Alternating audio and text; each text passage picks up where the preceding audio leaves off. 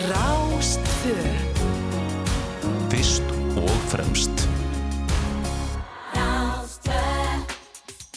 Já, þá leggjum við að stað hér á Rástfö þeir að lusta þáttinn fram og tilbaka og ég heiti Felix Bergsson.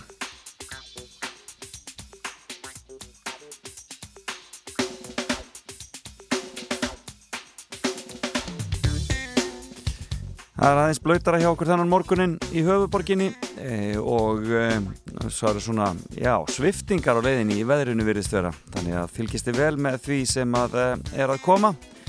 Það eru veiðvaranir og ég veit ekki hvað og hvað, hér og hvar og allstaðar. En það er sem sagt á að koma á okkur norðan skellur einhver á páskadag, páskarréttið eina sanna og þannig að endilega ef þið eru eitthvað á ferðinni fylgist þið vel með tekkið á veðusbáni og, og látið þetta ekki koma ykkur á óvart. En um, við bara höfum það hugulegt hér og, og uh, spilum tónlist og spjöllum við skemmtilegt fólk. Uh, við ætlum að fara í fréttageturinn hér eftir uh, tíu fréttina eftir nýju fréttina fyrir geðu 9.30 og svo er það fimmann fáum góðan gest hér Jakob Þóri Einarsson Já, leikari eða hvað hann hefur haft að minnstakosti fimm hlutverk í lífinu og hann ætlar að það er fimmann sem hann ætlar sér að fara með okkur í gegnum hér og eftir. En Jakob Þóruð þetta reyfiðast uppur í mörgum þegar að eh, þættirnir um bíósögu Íslands voru síndir í sjónvarpinu og hann byrtist þar í annari kori mynd. Og e, og er það kannski helst trafnin flýgur sem að e, hefur bórið hróður hans víða ekki til sá það barnið unglingur í Svíþjóð sem kann ekki að segja þungur nýfur en Jakob Þór sest hérna eftir smástund með kaffið sitt og við ætlum að fara í gegnum þetta. Og eh, svo aldrei ef ég ringi eitthvað út á land og heyri einhverjum skemmtilegum. Það kemur í ljós hér og eftir en fyrst og fremst ætlum við bara að hafa það hugulegt og ég hef alltaf gert það núna í, uh, á þessum tíma að spila fyrsta lag þáttar eins eitthvað og söngu á kemninni og við fengum eitthvað söngakeppni í ár en um, það er mikill listi þar af flottum lögum. Rakel Pálsdóttir sönglag fyrir nokkrum ánum síðan sem að mér þykir alltaf óskaplega vendum það heitir Óskin mín og það hljómar nákvæmlega svona. Ljúft á lögatarsmotni Lítur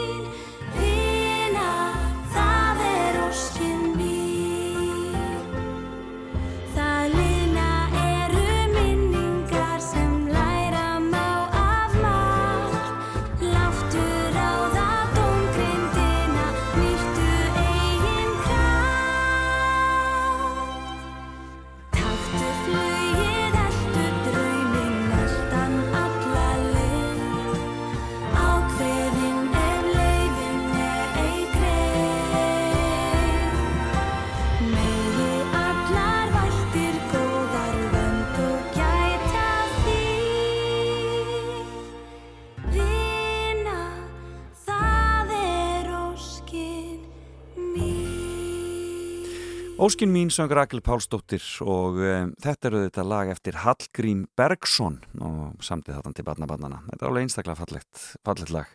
Gaman þegar að koma svona lög út úr söngvakefninni sem að lifa. Það minnst okkurst í hugum einhverja. Eh, en eh, vonandi fáum við aftur söngakefni á næsta ári þannig að þeir sem að vilja vera með í því er bara að byrja að hlaða í nú þegar. Eh, en það fyrir að líða því að Jakob Þór Einarsson setist hérna hjá mér Ég náði honum úr sumarbústaðnum uh, í kvalfyrðinum og við uh, förum að ræða málinn hér eftir smástund. Heyrum eitt lag með Emilionu Torrini uh, og síðan byrjum við að rappa. Og þetta er náttúrulega tengt kvikmynd. Það verður nú eitthvað til umræði hér og eftir. En þetta er kvikmynd eftir Óskar Jónasson auðvitað. Myndir sem kom á eftir, eftir Sótum Reykjavík. Og segjum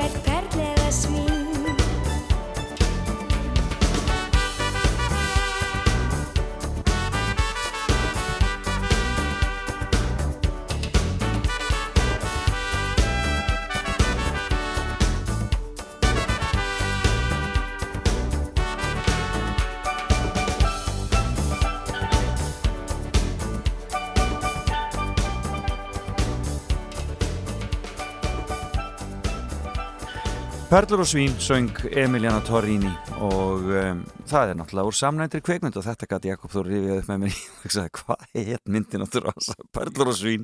Velkomin eh, á Rástvö Já, takk fyrir að bjóða mér. Um, Já, þetta, eh, sko, þetta er ekkert personlegt sko að spila Perlur og svín áður við, áður við, þarna, okay, áður við byrjum að rappa. Já, það var svolítið hnugginn sko. Hvað kom við þessu? Já Heyrðu, já, ég náði þér úr sumumbústæðinu, hvað er hann? Hann er hérna upp í Eilustæli kjós.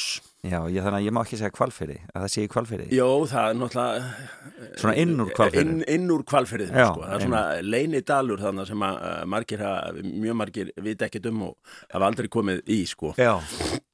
Afskaplega fallegur og virkilega hérna, góður staður að vera á. Já, akkurat, og það er eftir að ganga náttúrulega yfir esjuna Já. inn í eilífstæðal, eða ekki? Við erum að gera það eitthvað tíðan Já, já, já, já, ég mitt ég böður í góðan gangutóri Já, eitthvað tíðan, það er yfir það er, en það er, það, hún er grítt, hún er öðruvísu ofan á heldur en í hlýðum Já, það kemur óvart þegar maður kemur hérna upp sko, að, hérna, hvað, þetta er, þetta er bísna, bísna erfitt hérna uppi, þetta já. lapp hérna þegar maður er komin upp á hann og alveg yfir í eilífstælin sko. Akkurat En þú ert af skaganum. Þarna, þannig að þetta er svona eittur þessu allum tíma, þú veist, mikil skáti veit ég, eittur þið tíma á þessum slóðum þegar þú varst í skátunum á sínum tíma? Ég hafði ekki hugmyndum þennan Eilifstall fyrir en hérna ég var dregin af vini okkar hjóna Já. Ragnari Þorstensinni sem var hérna sýstjóri skóla og frísnundasvið sem er ekki Já, já, lengi og skólastjóri hérna í bennum hann á þarna hús mjög flott og fínt sko sem hann er búin að byggja upp mjög Já. skemmtilega og hérna dró samstarfsfólk sitt þarna yfir og makarnir fengi að fylgja með og, og bara jú, jú, ég vissi svo sem ekkit, var ekkit búin að ímynda mér neitt hvað þetta verið þegar við gengum hérna fram á bara fjallsbrúnin og esjunni, þannig að Eilífsdalsmegin þá svo, já, byrju, er dalur hér, já? Svona líka sko. Já, já, og hérna eiginlega bara kviknaði hugmyndin. Langar í bústæðin Þetta er sniðut, ég ekki langt er náttúrulega búið á skaganum. Já, en við byggum nú á seldjarnanissi þá sko. einmitt, já, þið bygguð á seldjarnesi þá, einmitt, já, Já, þannig að já. það hefur svona hálfa leið hálfa leið upp yfir já, já, þetta er búið að stutta skagan og þú Já. ert ekki nema 25 myndur að þægilegt. sko. Já, það var mjög þægilegt Heyrðum, við ræðum það aðeins betur á eftir Já, já, Það eru hlutverkin og þú hérna, sko, verandi leikari þá eh, gegnur maður ímsum hlutverkum en svo er það hlutverkin í lífinu og það er kannski þar sem þú vilt eh, Já. koma niður mér datt það í hug þegar ég var að fara að raða saman einhverjum fimm svona einingum einhver starf tengjast- í lífinu sko. Já, akkurat, þú varst Já. nú að hugsa um leikstjóra á tímanfæli við ég Já, þeir eru margir góðir sem að koma upp í hugan sko. Akkurat, og hérna höfðu náttúrulega gríðarlega mikil áhrif náttúrulega á lífmanns og svona einmitt en það tengist líka þessu sem ég það kem kannski aðeins ef ég man eftir því, svona inn á Já, það í, já. í okkar spjalli um, um hlutverkin sko, þá hérna svona hvernig þessi leikstjórar sumir þeirra sko hafa haft áhrif á hvert maður fór svo setni í lífinu sko. Sannarlega, en byrjum á, byrjum á fyrsta hlutverki Já, Hvaða hlutverk er það?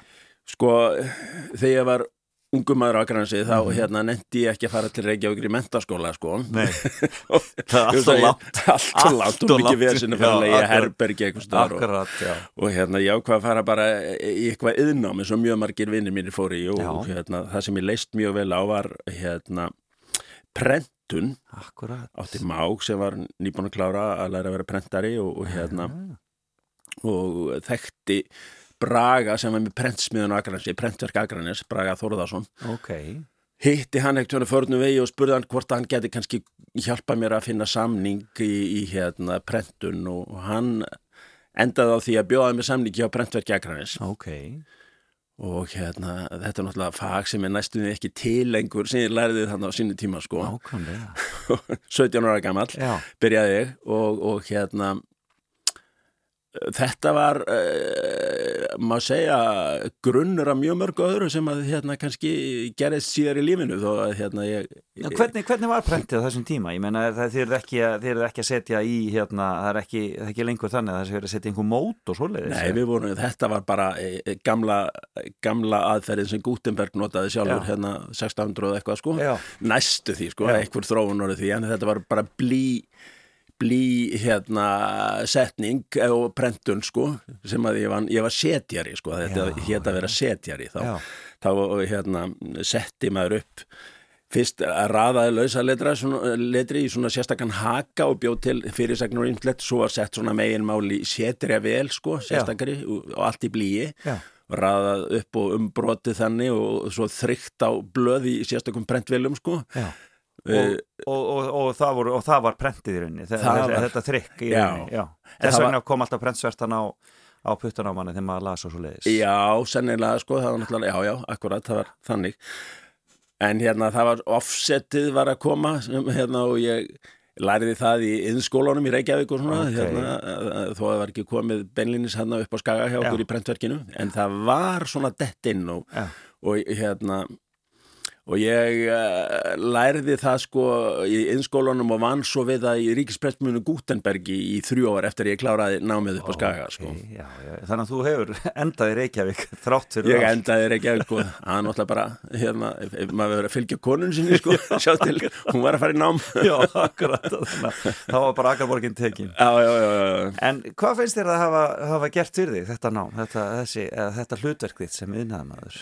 Sko þetta flott prentsmiða, mjög Mhm. vönduð sko, allt, allt hérna glænýtt húsnæði og fínar vélar og svona sko og metnaða fullt og það sem var þarna sérstakt við þetta að, að hérna Bræði Þórðarsson, sem mér finnst alltaf mjög merkilegum maður og, og mikill vinnu minn hann var auk þess að vera framkvæmtastjóru prensmiðunar og meistarinn minn, að var hann með bókaútgáfu, bókaútgáfan á hörpu já, já, já. gaf út mjög mikið af bókum, þetta var bísna, stór bókaútgáfa á sín tíma sko Einmitt. Gaf út mikið að glæpasögum og ástarsögum og allir og gerði það gott á því sko. Já. en hann er svo svona mm, menningarlega sinnaður og hún fannst alltaf sko ok, ég er að gera það gott á glæpasögunum sko, ég verð að sinna menningunni líka. Já, gaf út þó nokkuð mörg ljóðskáld. Já, og hérna og sagfræðiritt og skrifaði heil mikið sjálfur af svoleiðis, borgfisk blanda og fleira sem hann gerði sko. Og eh, hérna í tengslum við það þá bara vaknaði heil mikill áhugi á bara bókum hjá mér og bara ljóðum og, og hérna þessari, þessari menningu sko þetta, veist, þetta var svo sjálfsagt einhvern veginn þegar maður vann innan um þetta að maður læsi þetta líka Já, sko, að og kippa hérna, bókinu já, og, já. og, og, og, renna í gegnum þetta. Já, og ljóðin og allt þetta sko til dæmis og hérna þetta hafði mótaði mikið því þetta ég býja þessu finnst mér ég held að þetta sé grunnurinn af því sko en þannig dag í dag að hafa mikinn svona ljóða áhuga bókmenta áhuga og svona sko sem, sem nýttist síðan vel í leiklistinni sko. Já, þú er ekki, þú er ekki dotti ástasöguna líka þá í leðinni. Bótil hétt hún sem var svona Já, helsta Bótil stjarnan Algjörlega. Og er lesin, enn í, maður- dag, maður ekki að hlæja þessu, nei, sko. nei, nei, bara alls ekki sko þetta voru svona læknasögur og svona hjúkurna Já, akkurat. hjúkurna konusögur, það héttu ekki fræðingar þá Svona konusögur, akkurat. Það er spurning hvort að komi að COVID ástasögur fyrir en varir. Já, Hvað ég veit maður? Nei, nei, nei. Hver er á baku grímuna? Já, já Það er mjög Maður las þetta svolítið meðan maður var að brjóta um bækurnar þá, Já. hérna, þetta er sko og ég las alveg ég pratt sko blílínurnar á kvolfi Það var bara þannig, en brilja. En hvenær byrjar að fitra, fika, er það ekki næsta hlutverk, er það ekki leikarinn? Jú, Það er næsta hlutverk. sko ég var náttúrulega mikið í áhagaleglist upp á Skaga og var alveg á fullu þar sko leik með Skaga leikfloknum hann var Já. góðu heitli endurvækin eða leikfélag áhuga leikfélagarins endurvækin 1974 og þá byrjaði ég bara þar með sem bara einhver 16 ára strákur Já. Og var í bara flestum sýningum þangað til ég flutti til Reykjavíkur sko, okay. tvítur eða hérna rétt um það og hérna já, þannig að, þannig að ég þá byrjaði í leiklist og Og hvers vegna dóst dast inn í þetta á skaganum? Ég held sko hérna, til þess og þú myndist á að ég var mikið í skátunum þar var alltaf verið að eh, búa eitthvað til Já, og leika og búa til skemmtadrið maður þurfti alltaf að vera standbæ með eitthvað svona Já, vera sniður. að vera sniður sko Já. já, Leiknir svona litli brandarar og svo leiðis. mikið í því sko já, já, hérna já, já, við vorum alveg með uppistandi og Gulli vinni minn, Já. Gunnlegu Björnsson hérna stjarnælisfræðingur Já, einmitt. hérna, vorum mikið í stand-upi með svona brandara sýningar sko Já. og eftirsóttur á Þorrablót og 17. júni og allt saman sko Frábært. Það er brilja. já, já. Og þar með hefur svona byrjað að, að sjá fyrir þér að þetta væri kannski eitthvað sem þú getur hugsaðir að gera meira af, eða hvað? Nei, í rauninni fannst mér það aldrei eitthvað möguleiki sko, ekki, ekki hérna strax sko. En svo gerðist það eftir að við höfum fluttir ekki aukur. Já, það er í fyrsta skipti í einni sýningu upp á Akrænsi sem að Herdís Þorvaldsdóttir Já. tala- Stórleikona. Stórleikona, hún sett upp gísl með okkur Já, já, já. og ég leik þar, gíslinn sem Já. sagt og hérna mm, þá fó, myndist hún að þú ætlar ekkert að bara fara í leiklistaskóla og eitthvað svona, þá nýbyrjar hérna, le- tiltölulega nýbyrjar leiklistaskólinn hjá okkur á Íslandi og, og ég mér fannst það nú svona eitthvað freka fjárstæði kent og svona eh, en hún opnaði samt einhverja smá, smá hugmynd sem Já, já, sem opnar eitthvað fyrir Já. eitthvað rás í heilanum. Já, þannig að eftir að við erum flutt í bæinn þá fer ég nú að hugsa um það, jú, ég ætti nú kannski bara að prófa að sækja mig hennar leiklistaskóla og, og byrja að finna til eitthvað verkefni og hef samband við hana og hún byrjar að hjálpa mér fyrir þetta. Ok. En þá gerist það að ég fyrir upp á Akranes í svona skólaamæli Já. á lögadegi og þá er fréttið það að það er verið að prófa félag úr skagaleikfloknum í, í bíómynd sem áfæra að gera um sumarið sko. Og þannig er ég byrjaði að vinna bara í Gutenberg sko, Já. sem prentari og, og ég sagði, ég fer bara í þessa pröfu, þetta er bara gaman sko. alltaf til. Já, Rapp Gunnlaugsson sem Já. var nú svolítið frægur og umtalaður Akkurat. og það var óðal feðrana sko og ég bara dett þarna inn í, inn í bíómynd sko. En magnað, en þannig að Herdís hefur ekkert haft með það að gera? Nei, Herdís hafði ekkert með að gera. Það, Ég bara- hugsaði sko, þegar ég hitti þarna Hrafn þá fannst mér hann eitthvað svona eins og hann horfða mig og ég var eitthvað húnum kunnulegur. Ég sagði, hann hefur ábyggilega, mamma hans hefur ábyggilega sagt honum frá mér. Já, Hann hafði ekki hugmyndu um það já, akkurat Heyrðu þar dettur inn í Jóðalferðana Já, það er þetta inn í óðal ferðana sko. Var það langur prósess en þú fegst hlutverkið? Já, mjög, það voru bara ábyggilega hátt í tveir mánuði sem vorum, hann var alltaf að prófa sko, Já, akkurat og prófa eitthvað aðra og fekk mig til að prófa móti og Já. svo var hann að prófa miklu fleiri mitt hlutverk og svona sko, það. þannig að Já, já, það var mjög langur, svo bara las ég það í mokkanum, það var búið að ráða mig. Það var bara svoleiðis, það var bara þannig. Það náðist ekki, það náðist ekki að ringja Það símtali glemdi, glemdist eitthvað. Gleymdist það ekki? Maður var náttúrulega ekki með farsíma þá, sko, það var ekki þetta að ná í mann. Sennilega ekki verið með síma heima hjá mér heldur, sko. Akkurat, það verið einhvern veginn þannig. En hvernig var það eintýrið? Það er, það er náttúrulega fullt af uh, flottum leikurum hann Jói Sigur hérna. Já, og Sigrun Edda. og- Einmitt, og þetta Já, já, það var ofbúslegt æfintýri, alveg svakalegt, við vorum þannig að við byrjaðum að, byrjaði að fara með mig og þá sem voru svona mest upp í e, Borgafjörð Já, og vorum hann upp í Kvítarsíðu og, og hérna vorum á staðnum, þetta er svona eðibíli eiginlega, eða það var hérna sem sagt yfirgefin bær sem Ok. við allt var tekið á, við fórum þannig hverjum degi og æfðum í hátt í mánuð sko. Og svo kom tökuliðið og það var að byrja að taka sko. Já. og það tók alveg meir en mánuði viðbútt og svo var aftur svona haustsennur og vetrasennur og svo Já, þess. Sem var til þess að ég sá fram á að ég kemst ekkert í skólan því að þá hefði ég ekki mátt klára þessa mynd sko. nei, nei, auðvitað það framkomu bann sko Já, þannig að þú fóst ekkert í prófið ég fór ekkert í prófið þessu Nei, sinni sko nei. frestast alveg um tvö ár sko Já Og, en, en, en Hrafni Flýgur kemur eftir námið eitthvað. Já, þá er ég búin að, sko, það er eiginlega þá hvað, þremur árum síðar, sko, þá Já. er ég búin að vera tvö ár í, í í skólanum. Og færð leifi til þess að vera í þeirri mynd Já, fekk leiði til þess að vera um sumarið, sko, í tökum, í þeirri mynd. En hvernig voru viðtökurna við óðalið ferðan og hvernig svona var svona tilfinning? Sko, það var alveg, þetta var náttúrulega uh, kvikmynda vorið Já, hérna á. Íslandi, sko, komuð þannig þrjár myndir þetta sem voru teknar þetta sumar og síndar sumarið eftir. Já, það er land og sínir og, og og veiðiferðið, Og barnamynd akkurat, já. Og hérna það sko var náttúrulega gríðlega góð viðtekur og, og, og mikil aðsókn Já, sko nei.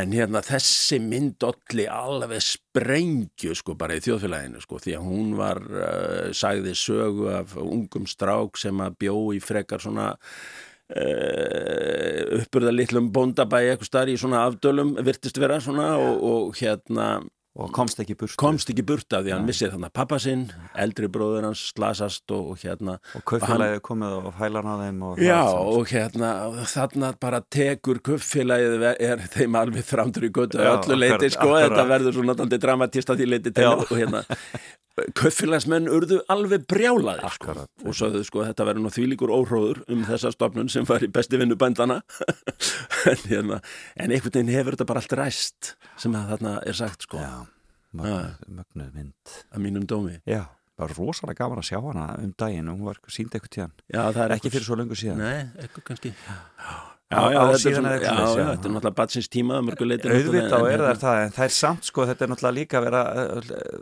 það sem hefur svo skemmtilegt í þáttum að vera þáttakandi í þessari sko fæðingu heilar listgreinar Já, já, það lítur já. að vera svolítið, gaman Já, það var mjög, mjög magnað sko Við vorum náttúrulega, það voru nokkrir hérna svona atvinnuleikarar og semi-atvinnuleikarar en an- annars var þetta mest fólk úr áhuga leikfélagum sem leik hérna sko og mikið úr skagaleikfloknum eða hvað? Í nokkrir, já, og hérna þannig frá Húsavík og fleiri stöðum sem fólk kom sko.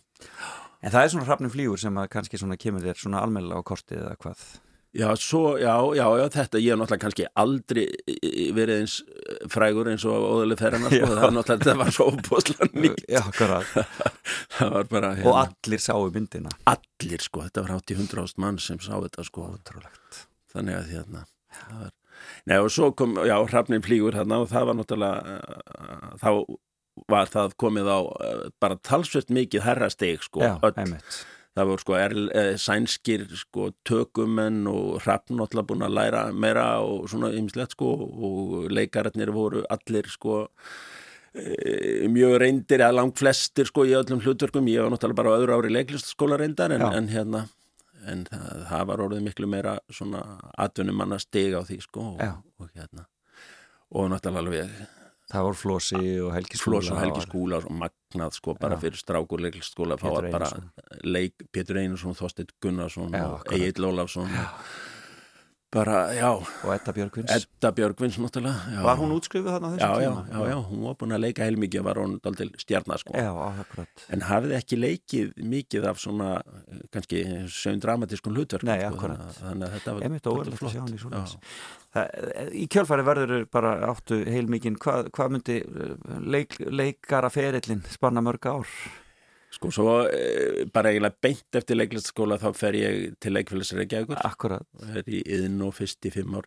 Já, og reyndar meðan ég er í, í, í leiklistaskólan þá er ég alltaf að vinna sem sviðsmaður Já. sem var alveg æðislegt sko. niður í yðnú niður í yðnó já, hérna. Það var nú ekki mikið lukka hjá skólastjórunum vinni mínu Pétur Einarsinni sko, Já, að þið væruð að komst svo- að því. Ég var að vinna það og hérna hann sagði "Er, þetta er nú kannski ekki nógu sniðut þetta er nú alveg full vinna að vera henni í skólanum þegar þið eru hérna frá 8 til 5 á daginn og, og það passaði akkurat klukkan 5 þá við- fór ég yfir í yðn og tók niður æfingarleikmyndin og sett upp leikmyndin fyrir kvöldið. Já, akkurat og hérna og svo mætti maður aftur eftir síningu ef maður þurfti ekki að vera yfir síninguna sko, og tók hana niður sko. Pétri fannst þetta ekki sniðut En þú náttúrulega orðin fjölskyldumæður og þurft að bara afla tekna allar klær úti bara. Já, akkurat Ég sagði hann sko, það var náttúrulega eh, talsvert hérna af, eh, mikið gaman í þessum skóla Já. og, og, og mikið djammað og fjör og svona, svona. Þannig að menn voru kannski kom fyrir að menn voru ekki alveg vel upplæðir þegar mættu. Þannig að ég sagði bara ef þú hérna grípur mig eitthvað tíman í því að vera illa upplæður á matnana, Já, þá skal ég skoða þetta sem við viltu segja. Og hann keifti það hjá mér Já. og þurfti aldrei að grípa hann eitt já, inn í það. já, Sko. gott mál, gott mál En um, það, svo síðan, sko, breytist þetta, það kemur eitt hlutverk í viðbót hana, við skulum heyra um einu í viðbót áður en við fáum lag, Já. það er þriðja hlutverki, hvað myndur þú segja að það væri? Eftir, eftir sko, náttúrulega leikarin sko í leikhúsunum sko, Já. myndi ég segja sko, það verður bara hérna ég var náttúrulega 11 ár fastræðan hjá leikfélagi Reykjavíkur sko, fyrst í, eins og segi, Íðnó og svo í borgarleikhúsinu Einmitt. og það var náttúrulega hérna dýriðarinnar tími og mörg góð hérna ekki, já, svona leiklutverk Já, sem ég hérna fekk að glíma við þar og samt bara að vinna með ofbúslega skemmtilegu og kreatífu fólki sko sem var þarna á þessum tíma sko, þegar til dæmis yðnó er að, þegar að hérna, leikfélagið er að fara úr yðnó yfir í borgarleikhúsi Já. Þetta er hérna verið að, hérna, að reyna á, þú veist við erum með pínu litlu sviði, einu sviði Já. erum að fara að taka við risastóru húsi með mörgum sviðum sko Já. þannig að hérna, það var uh, verið að, að öllu. undirbúa það mjög vel sko. Já. og þá var til dæmis eins og Kjartan Ragnarsson alveg ótrúlegur sko, hvað hann hérna kom inn með miklar hugmyndir og mikinn kraft og, og sköpunar hérna, Gleði. já, gleði sko. já. Þannig en, en, en þriðja hlutverkið í þessu, semast í hlutverkun lífsins já, Það er eiginlega leikstjórin eða þú ferði að, vera hérna, að, eh, að stjórna þá talsetningum og svoleiðis. Já. Ég fer, fer hérna eftir ég hætti hana hjá leikfélaginu þá fer ég bara frílansast taka hinn og búa til badnaleikrit og leik út um allt og við steppa störlufinni minnum og, og fleirum góðum sko og hérna uh, og svo ringir Siggi Sigurjóns í mig og segir, herðu, við erum að stopna hérna Já, okkur vantar eitthvað til að sjá um alla talsetning og svona, við ætlum að reyna það var held ég stöð þrjú að byrja minni mig. Akkurat. Já, það var, það var talsetning á stöð 2 og svolítið á stöð 1 á, á Ríkis. Já, en komið svolítið form á talsetninguna á, á, hjá stöð 2 og ég hafði verið þar á samning og döbbað heil mikið sko. Einmitt. Og Siggi spur hvort ég væri til í þetta í svona hlutastarfi svona með öðru frílansinu hjá mér. Já. sem verktaki og ég var alveg til í það og vildi endilega prófa það. Og byrju, við byrjuðum að þessu og byrjuðum að búa til eitthvað svona form form á talsetningu sko. Og þetta svona hlóð utan á sig meira og meira með, með hérna þú veist, á þess eins og þú manst eftir sko, þá voru þegar var verið að talsetja þátt í teiknimynd Já. þá sáttu kannski fimm leikarar við borð nákvæmlega og, tals, og þáttunum bara svona rúlaði á meðan Já. svo var alltaf verið að reyna að stoppa og, og hérna, þetta var svona skapast ofta heilum mikið gleði og skemmtilegheit sko, í kringum þetta, mikil stemming en þetta var kannski ekki alveg nú að vöndu vinnubröðu sko vegna þess að hérna, þetta svona flættu setningarnar svona hver yfir aðra og hérna voru ekki alveg svona og erfitt að fá svona sumt til þess að eins og við köllum á familuna synga, hvað heitir það? að passa almennilega saman Passa já. við varrhefingar og svona, já. akkurat En hérna, þannig að við e, fórum bara að reyna fyrir okkur hvernig við getum gert þetta og í staðin fyrir að, að bóða alltaf kannski fimm manns til þess að taka upp tvo þætti, þá bóðuðu bara einni einu og hann tók upp fimm þætti já, sko. akkurat og hérna, Já. og síðan uh, röðu þessu saman og það er náttúrulega, er, náttúrulega aðferðin sem er notuð enn þann dag í dag sko. akkurat. Og þetta er Sýrland. Þetta er Sýrland, fyrst hétt þetta hljóðsetning, Já. þeir stopnuðu þetta Stefán Kjöllefsson einmitt. Storytel og, já, já, og Siggi og Siggi Sigurjós Jói Sig og, Örn Árna.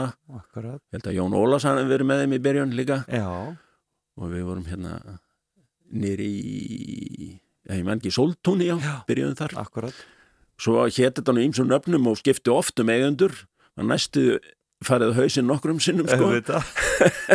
En enduðum þannig upp í hérna Sýrlandi sem er núna hérna, sagafilm hafi verið uppi og búið til stúdíu kom okkur þar fyrir og þar er Sýrlandi ennþá en þann dag í í vatna, dag í vatnagörðum í vatnagorðunum sko þetta, er, þetta hefur verið ævintýri. Já, þetta var hérna mikil, mikil æfintir og mikil uppbygging og það var náttúrulega miklu meir en teiknimyndir sem við vorum að gera. Akkurat. Við gerðum auglýsingar bæði útvars og sjónvars og við hérna gerðum útvarsleikrit ofbúðslega gaman sko þannig að maður var í öllum þannig og ég gerðum bara það sem maður þurfti að gera. Já, akkurat Sérstak- sérstaklega þegar þurfti að hérna hlaupa undan yfirvöldum skattsins með hérna spólurnar sem átt að fara í útsendingum helgina.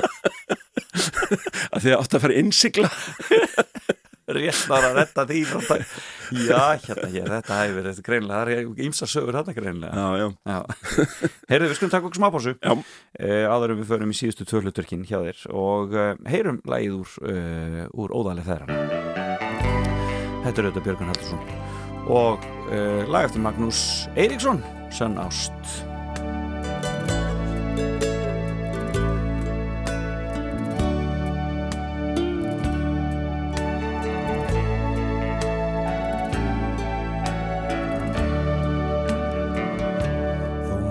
Hafi séð og furðu mikið skéð Fyrir okkar fyrstu kynni tel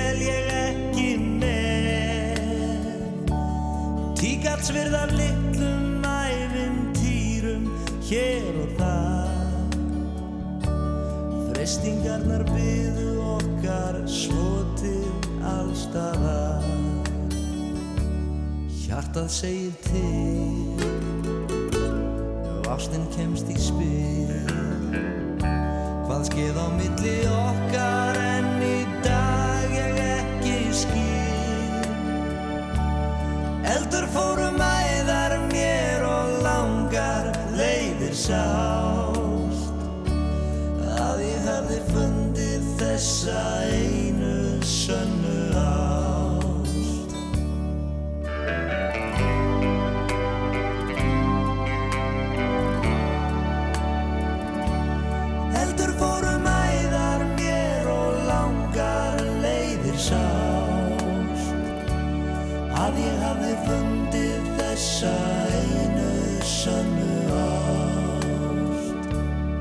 Hugsar hver um sig.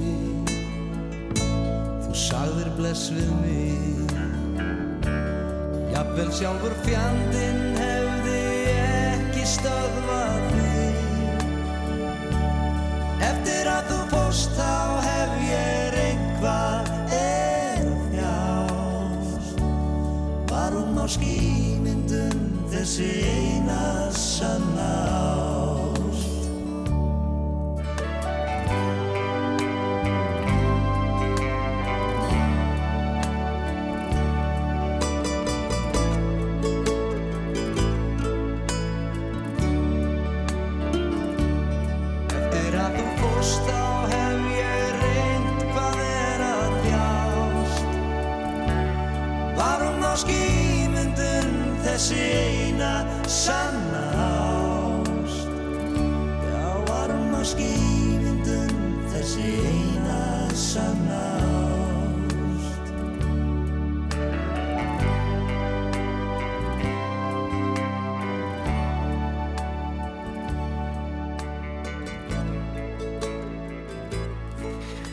Þetta er nú alltaf gaman að heyra.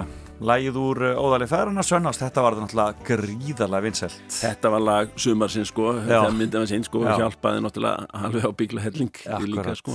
Já, já. Jakob Þór Einarsson, leikari situr hér hjá mér og við erum að ræða hlutverkin í lífinu og við erum komin að, komin að fjórða hlutverkinu. Þar, þar breyttur nú um kúrsaldilis. Já, já. Það er bara hérna eitthvað sem að maður hérna þarf að vita að maður er ekki endilega það sem maður vinnu við sko. maður getur, maður getur bara gert allan fjandan, ég hef nú reyndar ekki hugmyndu það.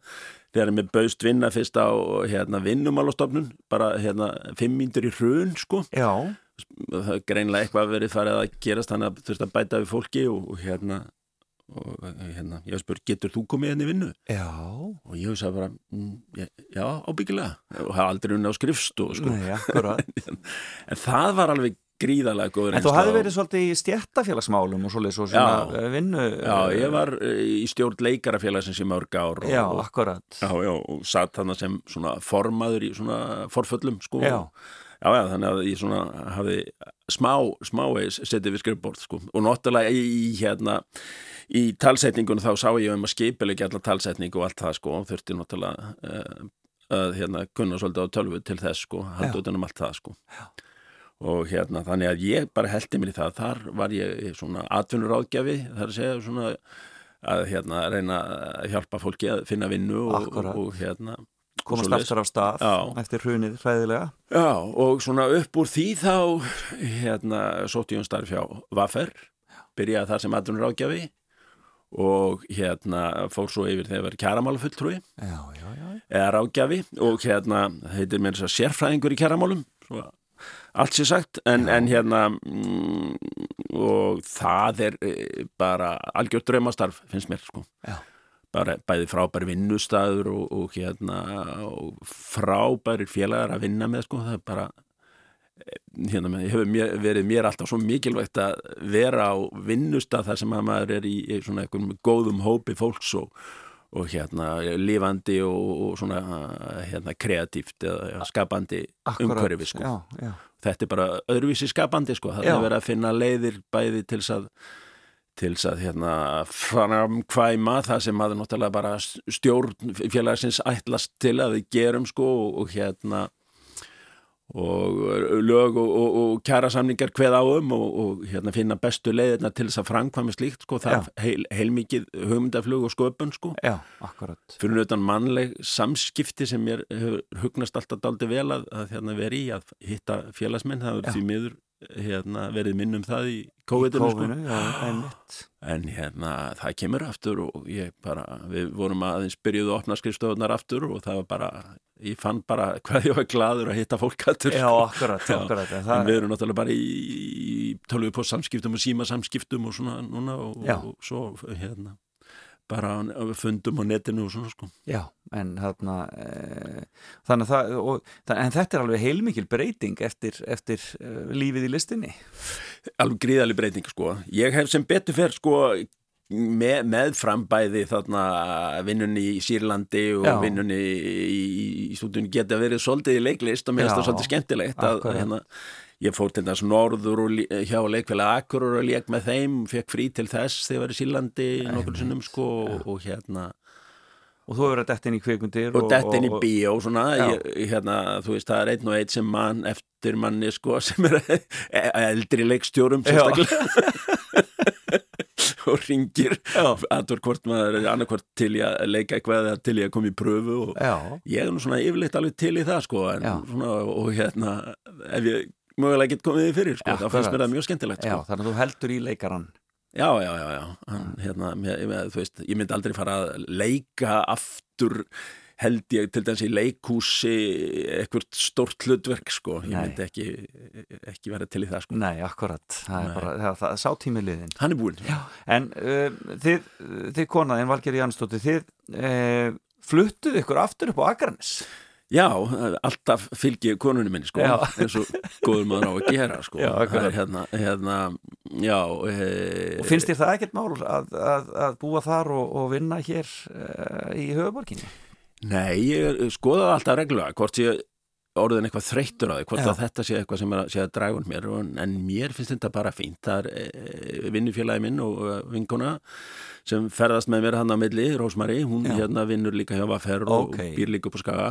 Þannig að við fyrir saman e, nema núna í COVID-una því við verum í sitt hverju deildinni þá maður við ekki einu sinni fara saman í bílnum Já, sko. það er bara svoleiðis Já, já, en, en hérna annars eh, eh, tvö eða einn en ég held mér finnst bara svo gaman að keira Já, Já þér finnst þetta bara ekkert mál Nei, finnst þetta ekkert mál En um, svo er náttúrulega meiri fjárvinnsla náttúrulega núna í hérna, COVID-inu Heldur það sé framtíðin? Heldur það verði þannig að, að já ég hugsaði sko ég, þó það geti, þessu ljúki að, að Já. menn fari að vera meira ég held að geti verið bara gott að blanda þessu saman sko. Eitt til að tvo daga í komi svona tímabila að maður geti verið að vinna einhverju bara heima eða, eða einmitt eitt, tvo dag í viku eða eitthvað slíkt sko. Ég held að það sé algjörlega mögulegt sko. Gerðum það nokkra, nokkur tíma sko, þá var ég alveg upp á skaga bara og vann inn í inn í skrifstofu sem Já. ég bjóð mig til heima hjá mér. og við horfum þar saman hjónin hér, hún Valla mín. Já, hún, ég sé hjá sitt hvort skrifstofunni Já. hittust bara í hátteginu sko. Einmitt. Akkurat, já, það mjög er, þetta er svona öðruvísi öðruvísi vinna. Já.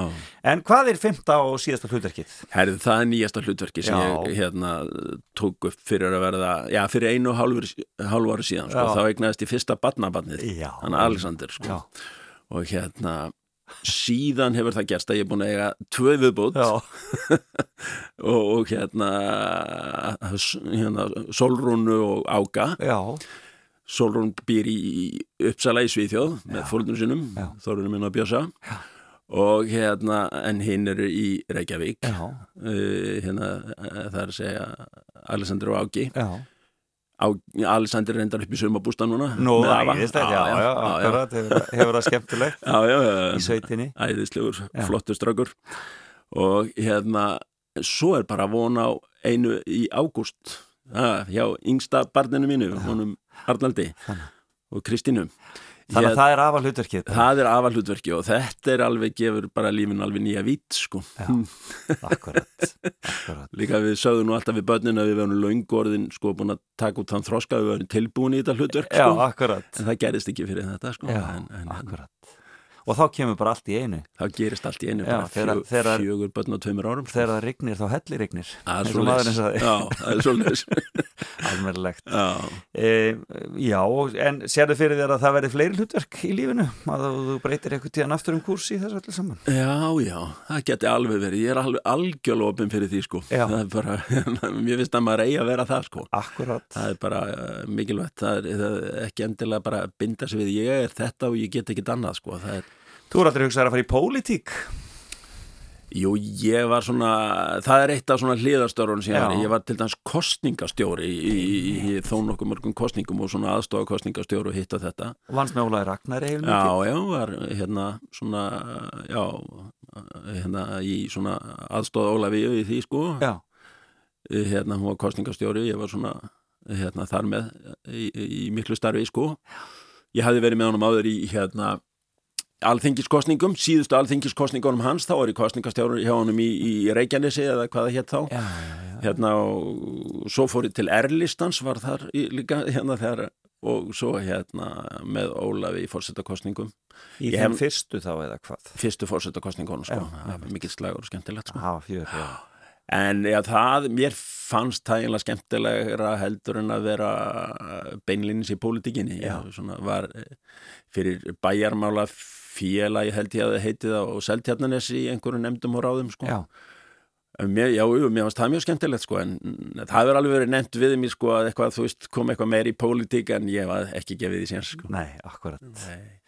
Það er aldrei að vita já, kannski. Er bara, Já, já. eh, eh, eh, það er ekki eins og Vitti Eggerts er hérna? Já, er kollegi dottinn okkar sko. hann er dottinn inn í pólitíkina. Já, já, já, Þetta er gaman aðeins. Jakob Þór Einarsson, það var gaman að fá því spjall hérna í eh, fram og tilbaka og hlutverkin þín sem við töldum hér upp er yðnaðamaðurinn, það er prentarinn leikst, leikarin, leikstjórin í talsetningunum, ráðgjafin hjá Vaffer og svo afinn. Þetta er alveg mm Takk fyrir þetta, gaman Já. að sjá þig. Já, takk fyrir bóðið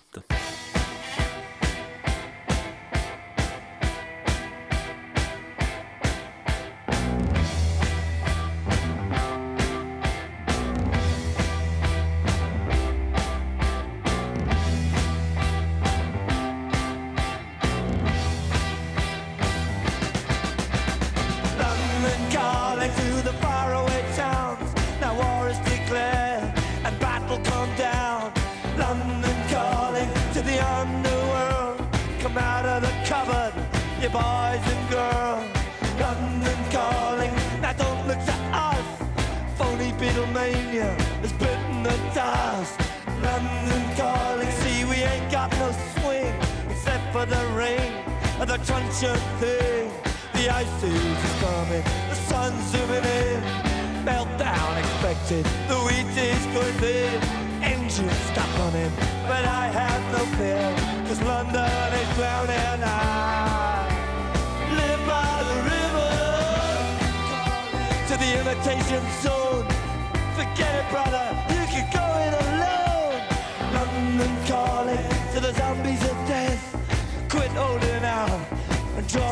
breath.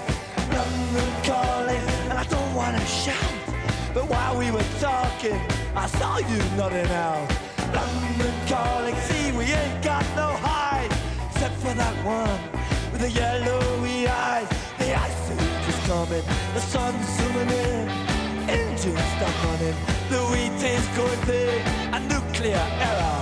But I have no fear, cause London is drowning. I,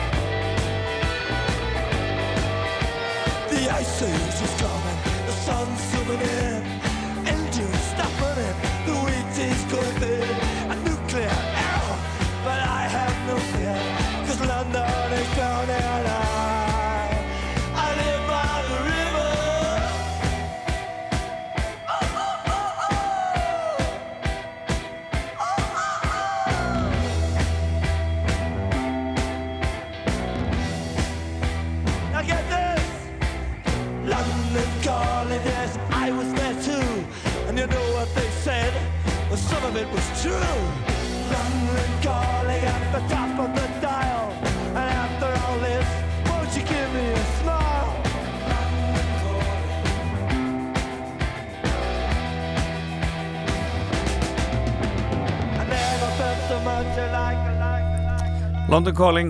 En þá er Jakob Þór Einarsson uh, farinn frá mér. Uh, gaman að fá hann hér í morgun spjall frábær leikari og uh, einn af líkil mönnum í íslenska kvikmyndavorunu sem við erum að fylgjast svo vel með í þessum frábæri þáttum að Sáskrin Sverrissonar. Í sjónvarpinu, þeir verða ekki það verða ekki þættir núna um páskahelgina en það byrjar aftur 11. april skilst mér fylgjast vel með þeim þáttum, rosa gaman að rifja þetta upp og eins og ég segi, það er svona, þetta er svona mögnuð, mögnuð uh, ja, magnað að fylgjast með þessari uh, þessari listgrein, kvikmyndalistinni verða til hér hjá okkur á Íslandi. Eh, en það fyrir að líða að nýju fréttum hér á Rástvö en við erum samt smá músík eftir. Þú ert að hlusta á Fram og Tilbaka á Rástfö.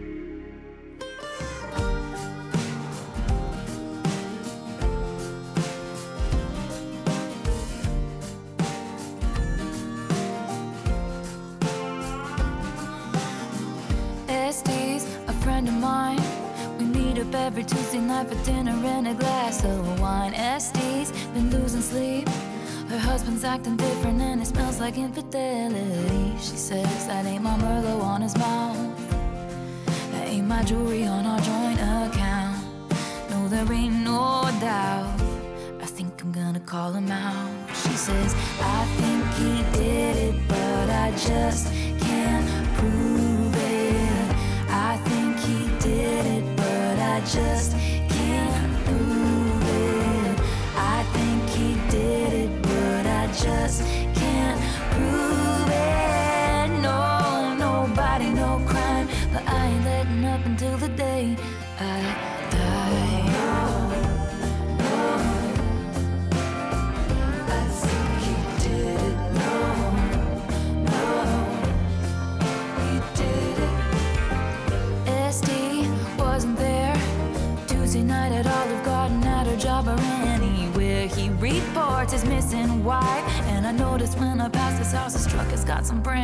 tires. And his mistress moved in.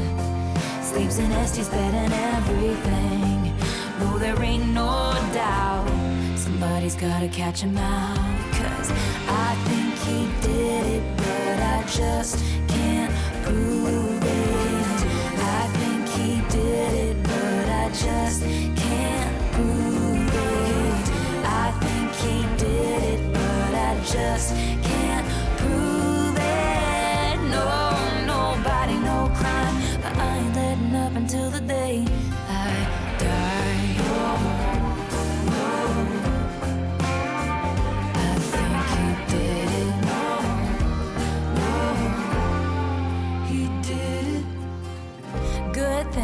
my daddy made me get a boating license when I was 15.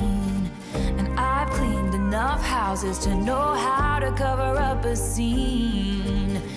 Good thing Estee's sister's gonna swear she was with me. She was with me, dude. Good thing his mistress took out a big life insurance policy.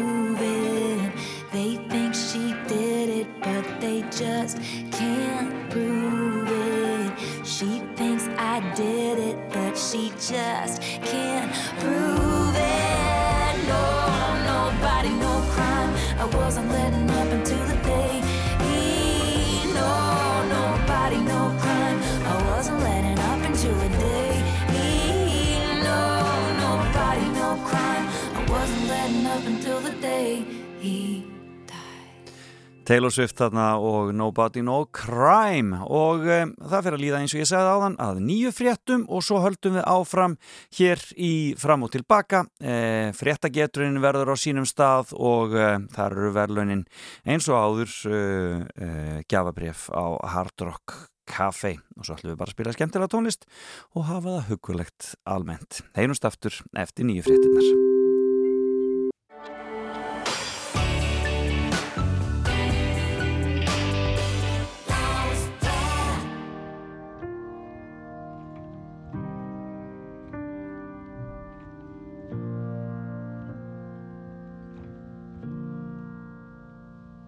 Falsar ekki kærleikan. Hann endur speklar sannleikan Ég sanna sést í augunum. Þau hörfa ef í huganum. Leynist fræ af efasemt Og burðast þú með sektakend Svo tölum bæð af hreinskilni. Við lesum ekki hugsanir. En ef ástin er reyn Rattar hamingjan heim Byrtir til yfir okkur teim Já, ef ástin er heim Þá er aldrei of seint. Því að hjartað vísa leið. Það stjórnar engin stefinu sem bergmálar í brjóstinu. Það efast allir bæði allt um það. Lofir þú að hlusta á mig? Augliti til auglitis Finnum við fríð og Saman okkar eigin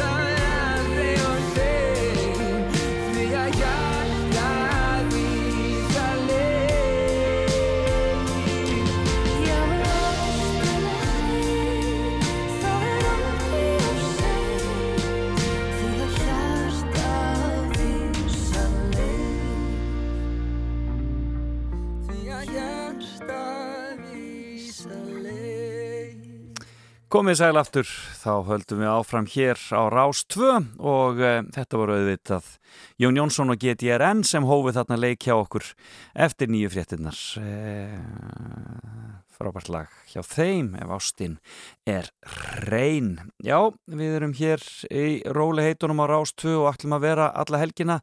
Mikil dagskrá hér uh, alla helgina og fullt af skemmtulegum þáttum sem að í bóði eru bara til þess að hafa það hugulegt hvar sem þið eruð. En um, e, veðrið hugleðinga veðurfræðings í dag það er ákveðin suðvestanátt í dag viða 15-23 metrar á sekundu og rigning eða súld kvassast í vinstrengjum norðanlands. Og á Austurlandi verður hins vegar þurrt og bjart veður hitin 5-13 steg hlýjast eistra Síðdeis og í kvöld snýst síðan í norðan 8-15 metrar sekundu með snjókum og jæljum og ört kólnandi veðri. Það verður mikil hitabreiting hjá okkur og snjókuman verður mest á Norðurlandi og eru talsverðar líkur á að færð spillist þar. Þetta getið því og fylgist með auðvitað ef þeir þurfið að vera á ferðinni.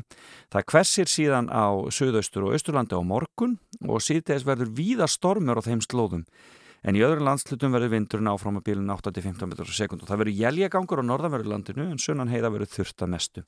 Þó maður búast þetta árlum jæljum suðvestanlands fyrri part dags en frostið verður fjögur til 15 stig og kaldast í einsveitnum fyrir norðan. Annað kvöld lægir svo vestan til á landinu þannig að eh, svona getur þetta breyst, þetta verður hérna einhver það verður hérna einhver, uh, einhver 25 stiga breyting í uh, hita, hitastíðinu hjá okkur. Uh, Páskarhettið það lætur ekki að sér hæða. Það gerir Rói Orbjörnsson ekki heldur. Þetta er nú gamalt og gott og klassist Every time I look into your loving eyes I see love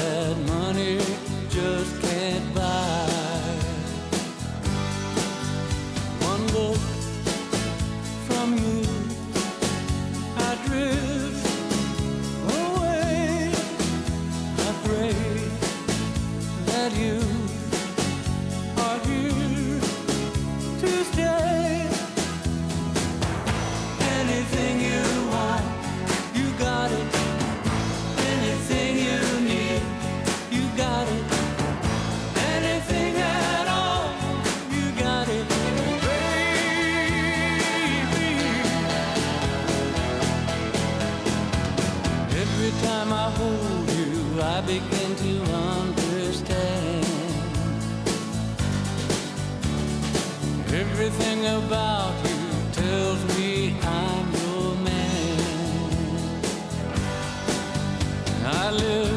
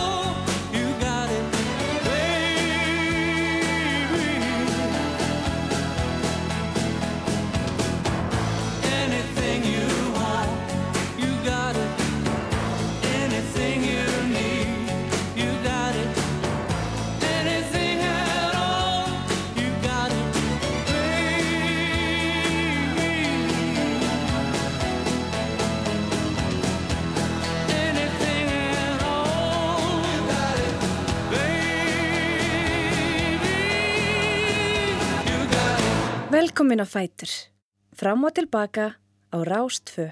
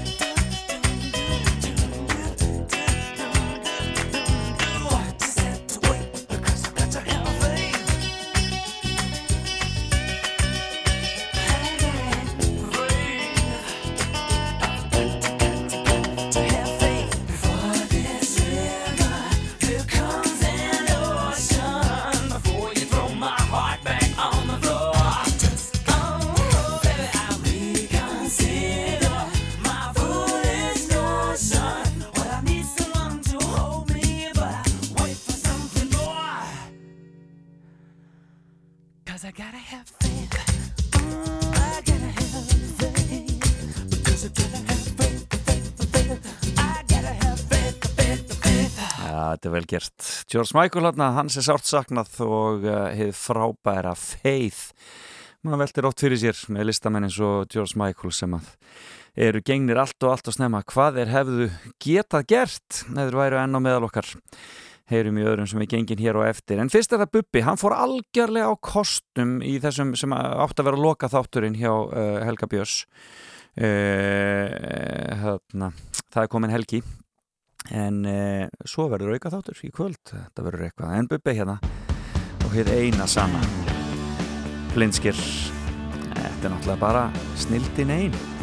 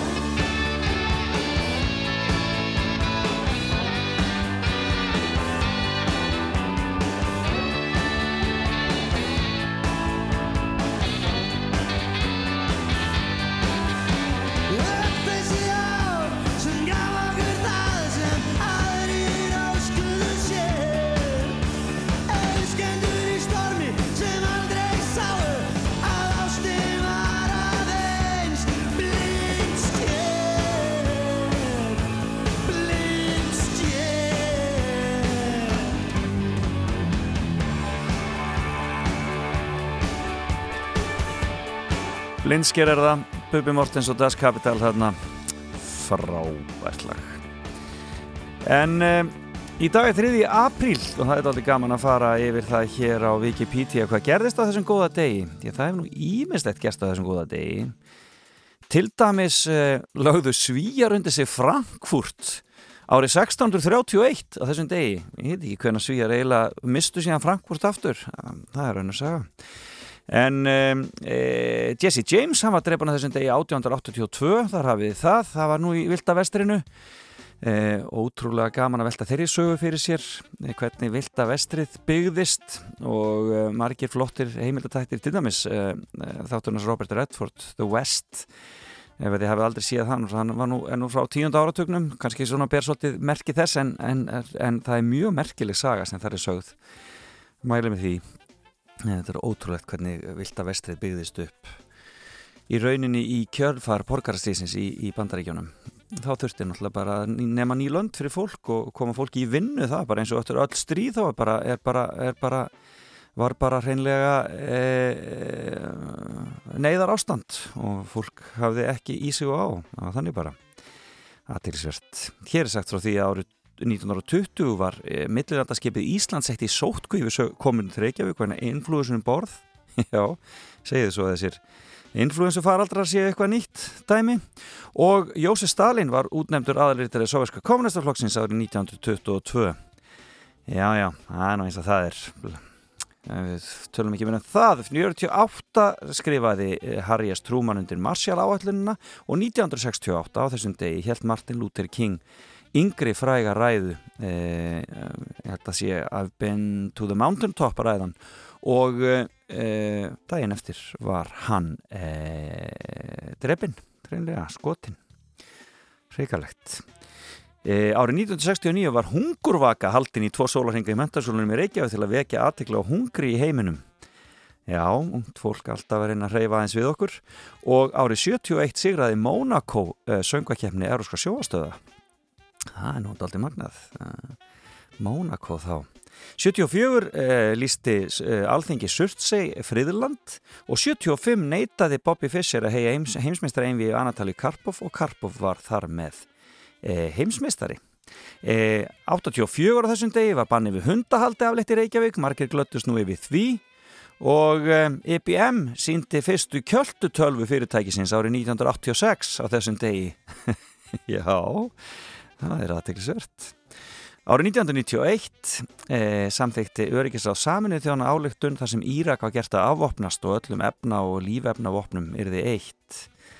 Þetta áttu náttúrulega allt eftir að, að enda með ósköpum eins og við vitum.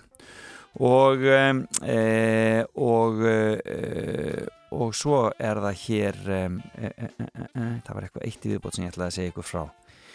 Já, já, fyrsta fréttin byrtist um Panamaskjölin 2016 Já, í fjölmiðlum allan heim og það átti nú aldeilis eftir að gera e, mikið e, í stjórnmála lífi heimsins og hérna hjá okkur á Íslandi. En e, lægið sem var á topnum fyrir nákvæmlega 50 árin síðan var fluttat Janis Joplin. Þetta er bara klassist mynd Bobby McGee Busted Baton Rouge, waiting for a train, and I was feeling near as faded as my jeans. Bobby thumbed a diesel down just before it rained and rode us all the way to New Orleans. I pulled my harpoon out of my dirty red bandana. I was playing soft while Bobby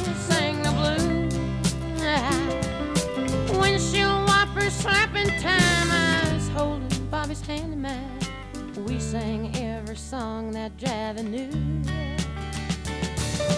Freedom's just another word for nothing left to lose. Nothing, I mean nothing, honey, if it ain't free.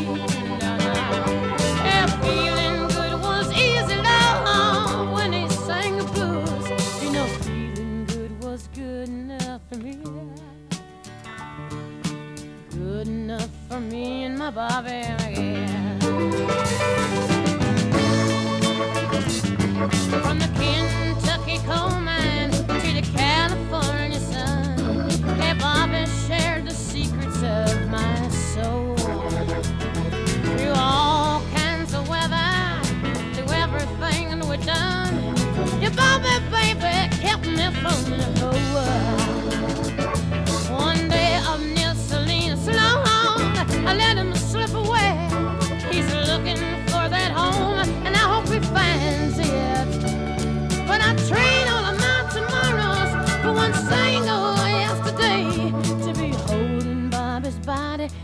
Mind.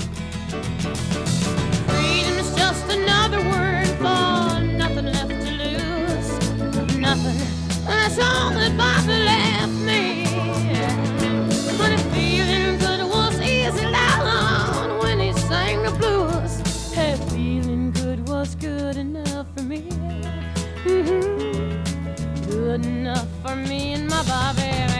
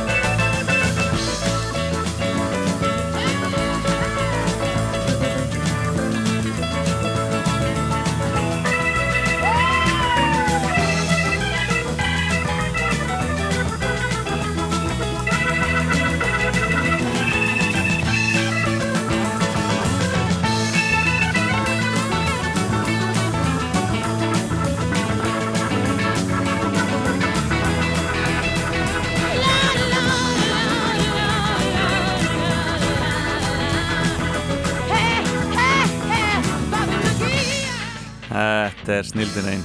Þetta lag voru á topnum í bandaríkjónum fyrir nákvæmlega 50 árum síðan.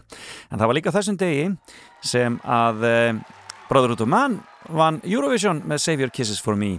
Hér er útgáfa sem Sycamore 3 gerða þessu lagi. Oh, it hurts to go away.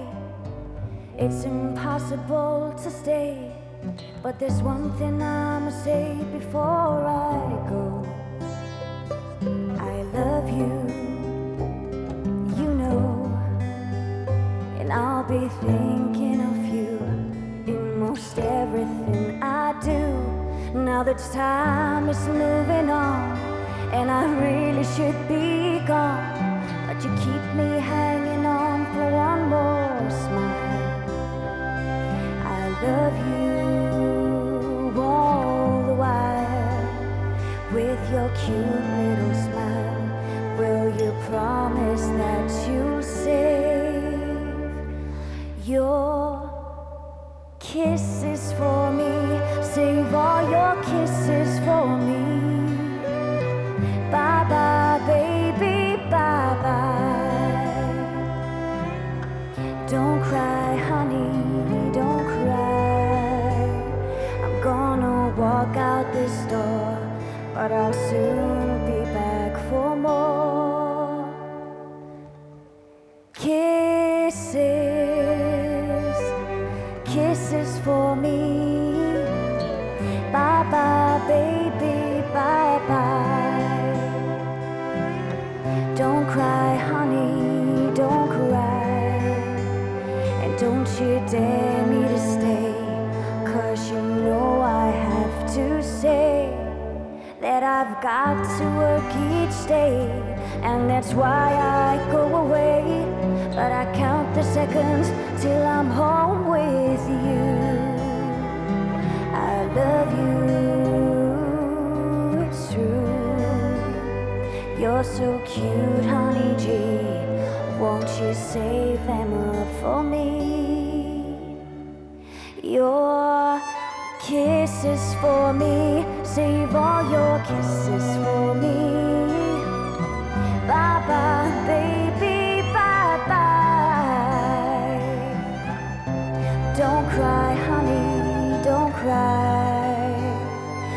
You save them for me, even though you're only three?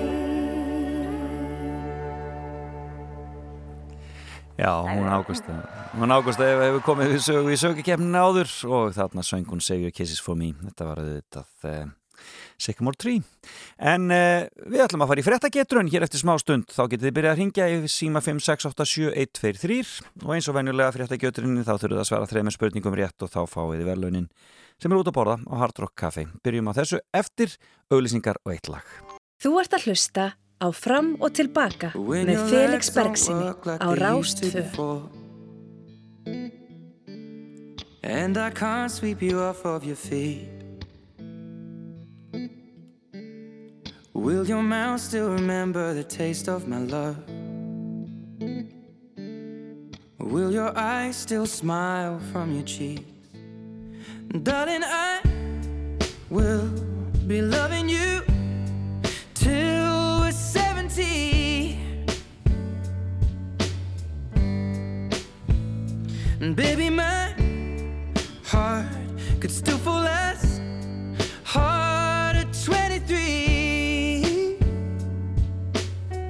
I'm thinking about how people fall in love in mysterious ways. Maybe just the touch of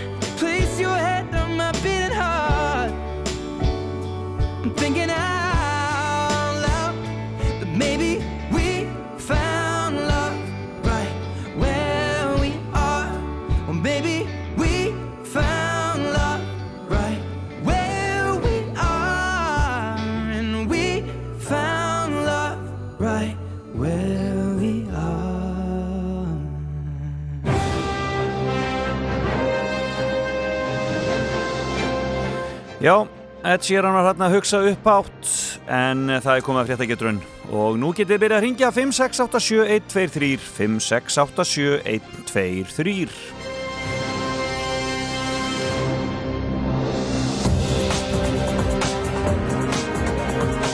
Og hér byrja línurnar að sjálfsögðu að loga hver á fætur annari allir tilbúinir í fréttagetraun og verðast alveg vita hvað er búið í gangi í vikunni Það er náttúrulega ímislegt en við reynum að sleppa Já, minnst þú COVID svona að mestu leiti. En við skulum sjá hvað gerist hér þegar við segjum góðan og blessaðan daginn. Góðan dag, heyrur í mér?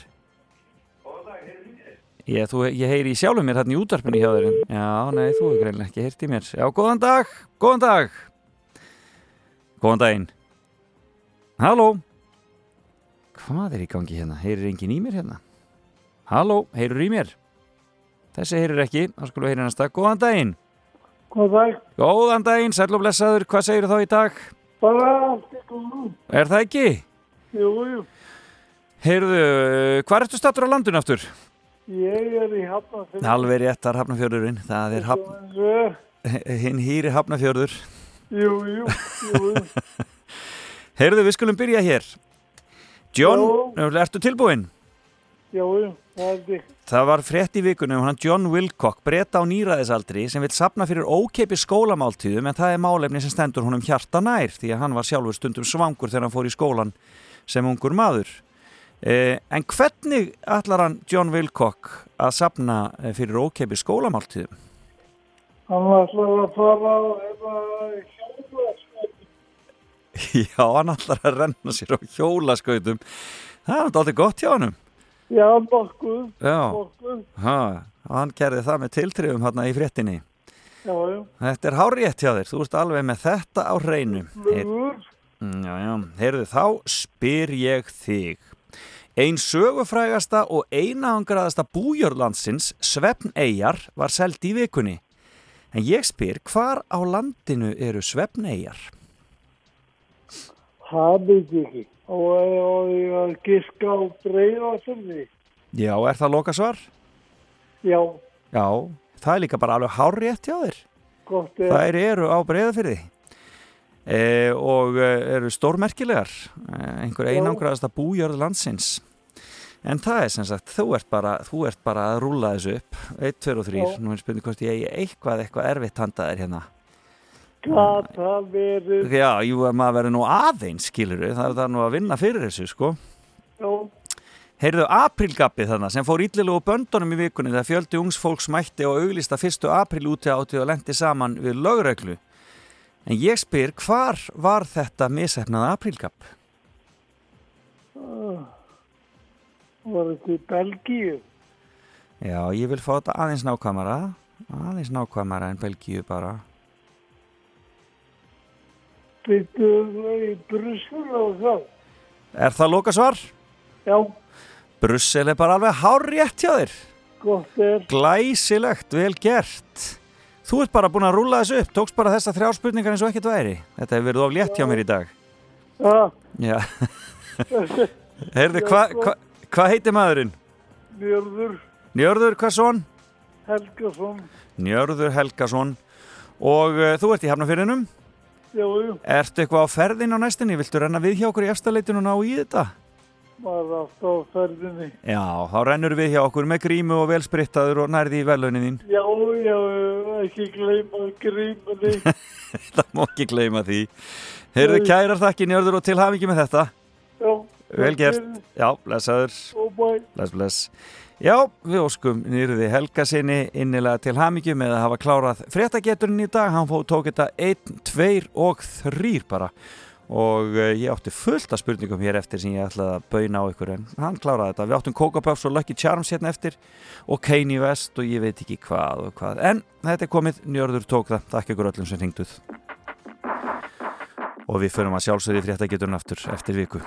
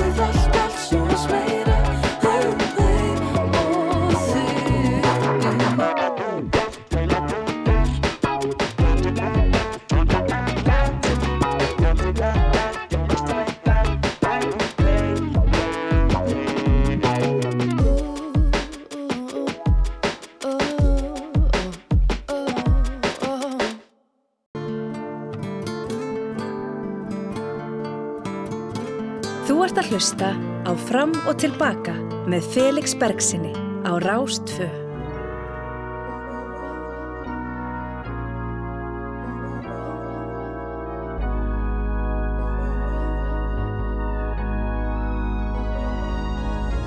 Patience is a virtue. I ain't trying to hurt you. I need you to read between the lines. Calling me out and it's unfair. Told you I don't wanna go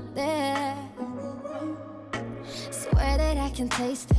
All your expectations rising up, but push them to the side. You know I'm down to go anywhere. But told you I don't wanna go there.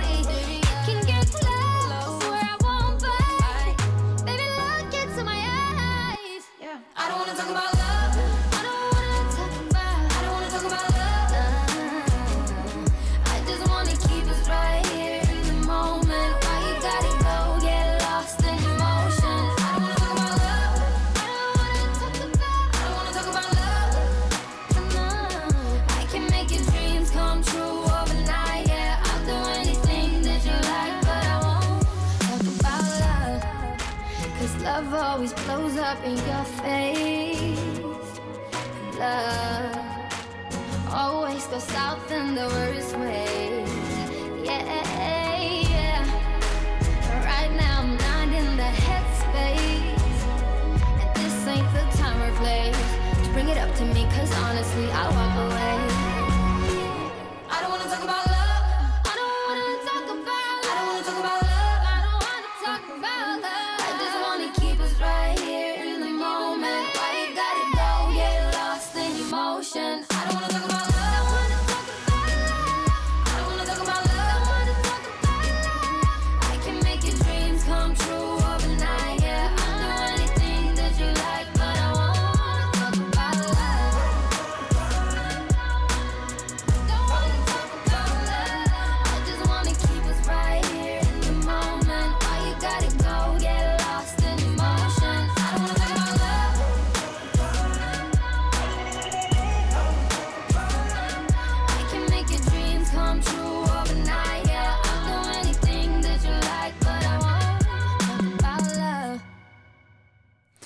Talk about love, þetta er Sara Larsson. Já, það er mikil dagskrá eins og ég sagði ykkur hér framöndan hjá okkur á Rást 2 í dag. Eins og alltaf alveg auðvitað Salka Sól tekur ég við klukkan 10 og um, svo er það, um, er það heiðin eftir hátægisvettunar þriðji og ég held síðasti þátturinn af heiðinni uh, hjá henni uh, Snærós Sindradóttur Allir það ekki tekur við síðan af heiðinni og vinsættalistin eins og alltaf og svo er það lögataskvöld með matta í kvöld og gestur hans að þessu sinni er Þórálu Guðnason. Þetta er endur tekinn þáttur en uh, ekkert verið fyrir það. Það verður gaman að heyra í Þórólu þar og um, kíkjum aðeins á sjómanstarskrona hér á eftir en hérna er lag sem að uh, er aldeilis að slá í gegn með hljónstinu Vög Lost in the Weekend heitir það. Verður spennandi að sjá hvar það er start á vinsættalistar ásar 2 í dag. Just a complicated girl. Nobody knew her problems, only her. Troubled young ruler with no one but herself to blame. Wanting to be bad, to break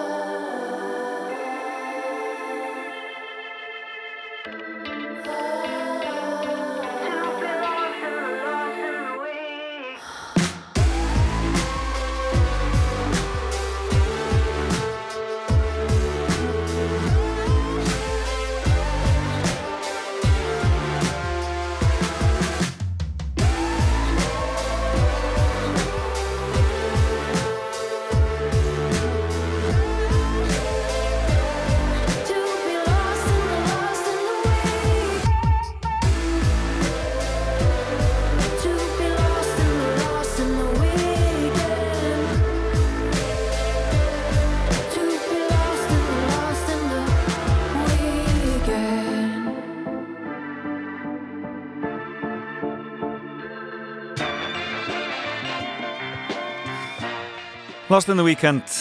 En í kvöld í ströymum í sjónvarpinu verður fjallað um eh, tíunda áratvín eða níuna. Og þar ánum margt eftir að koma við sögu. Ekkert neginn grunum eða hvað rashi verði þar. Ég er ekki alveg vissum hvort að þetta lag er nákvæmlega frá níunni en gott er það Mr. Jinx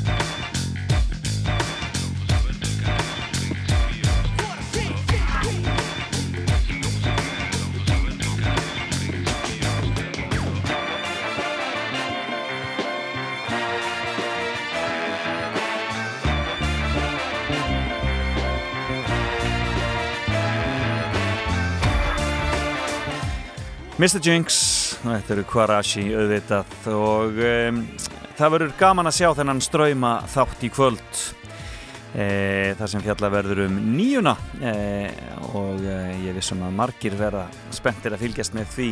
En frábær sjónvastarskrá alla páskana og e, ég hveti ykkur til að fylgjast með því öllu saman. E, Búið gaman hér með ykkur í morgun Jakob Þór Einarsson kom og satt hjá mér í fimmunni og hún var stór skemmtileg hjá honum. Það voru fimm hlutverk sem hann hefur tekið að sér í lífinu. Ekki leiklutverk, heldur bara hlutverkin í lífinu. Hún var yðnaðamaðurinn Jakob Þór. Lærði prentiðum, það er leikarinn Jakob Þór og sem hann sló í gegn í íslenska kveikmyndavorinu leikstjórin Jakob Þór í talsetningunum aðilega og svo ráðgjafinn Jakob Þór sem vinnur núna hjá Vesturmannafélagi Reykjavíkur. Og svo er það Agvinn Jakob Þór sem kom hér við sögu í lokin Fréttageturinn var svo á sínu stað og það var Njörður Helgason í Hafnafyrði sem fór með sigur úr, uh, bara þar sigur úr bítum og rúlaði þessu upp, tók bara fyrstu þrjá spurningarna eins og ekkert væri. Eh, en ég verð hér aftur eftir viku, Salka Sól fer að taka við, en ég hvet ykkur til að fylgjast með nýju þættinum eða tónlist frá tíunda áratögnum sem verður í ströymum í kvöld í sjónvarpinu og þetta er nú stjarnan stóra af þeim áratug uh, Björk og eitt af hennar allra bestu verkum Venus as a Boy. Ég vil ekki segja að þetta sé eitt af þessum lögum sem gerða hana að þeirri stórkostlegu alheim stjörnu sem hún er í dag. Takk fyrir og heyrjumst eftir viku